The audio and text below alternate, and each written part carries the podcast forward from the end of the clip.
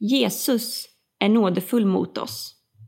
En artikel i serien Fokus Jesus av Cecilia Harvey. Petrus frågade Herre, varför kan jag inte följa dig nu?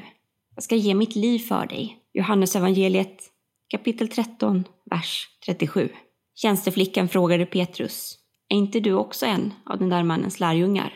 Han svarade Nej, det är jag inte. Johannes evangeliet kapitel 18, vers 17. Simon Petrus stod och värmde sig. Då frågade de honom, är inte du också en av hans lärjungar? Han nekade och sa, det är jag inte.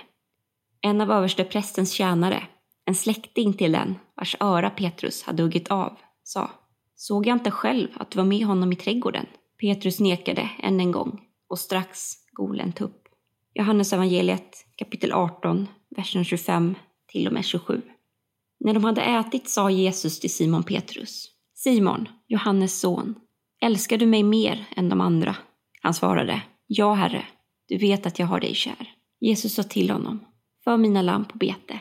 För andra gången frågade han, Simon, Johannes son, älskar du mig?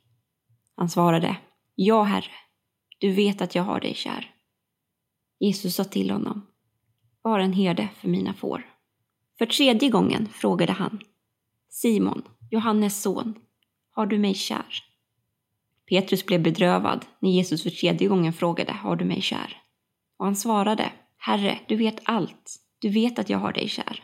Och Jesus sa, för mina får på bete. Johannes evangeliet kapitel 21, verserna 15 till och med 17. Att vara lärjunge har på vissa sätt inte förändrats så mycket genom tiderna.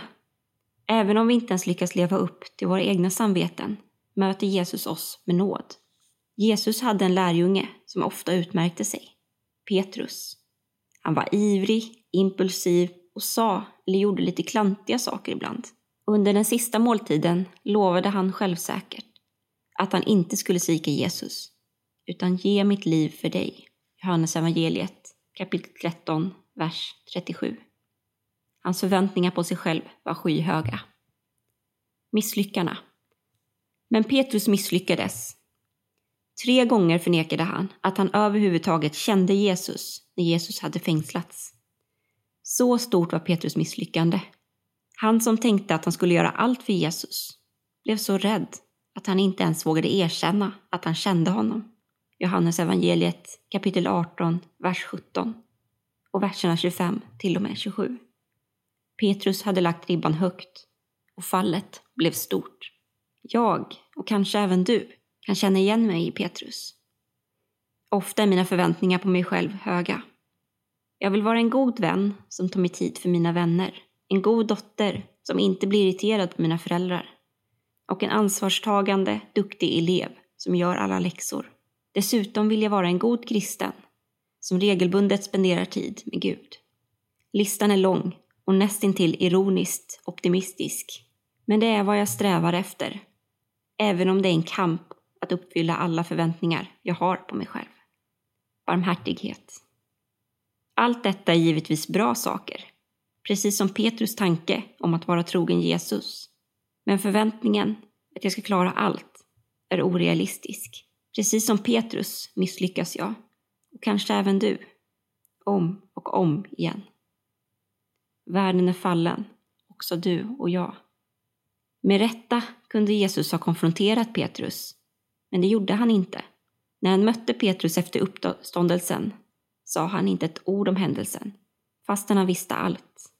Han hade ju förutsagt Petrus misslyckande. Istället ställde han en fråga. Älskar du mig?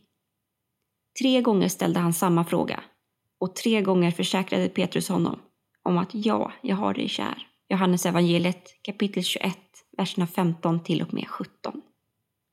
Jesus mötte Petrus med nåd, barmhärtighet och förlåtelse. Han slutade inte tro på Petrus, utan gav honom ett uppdrag i sitt rike.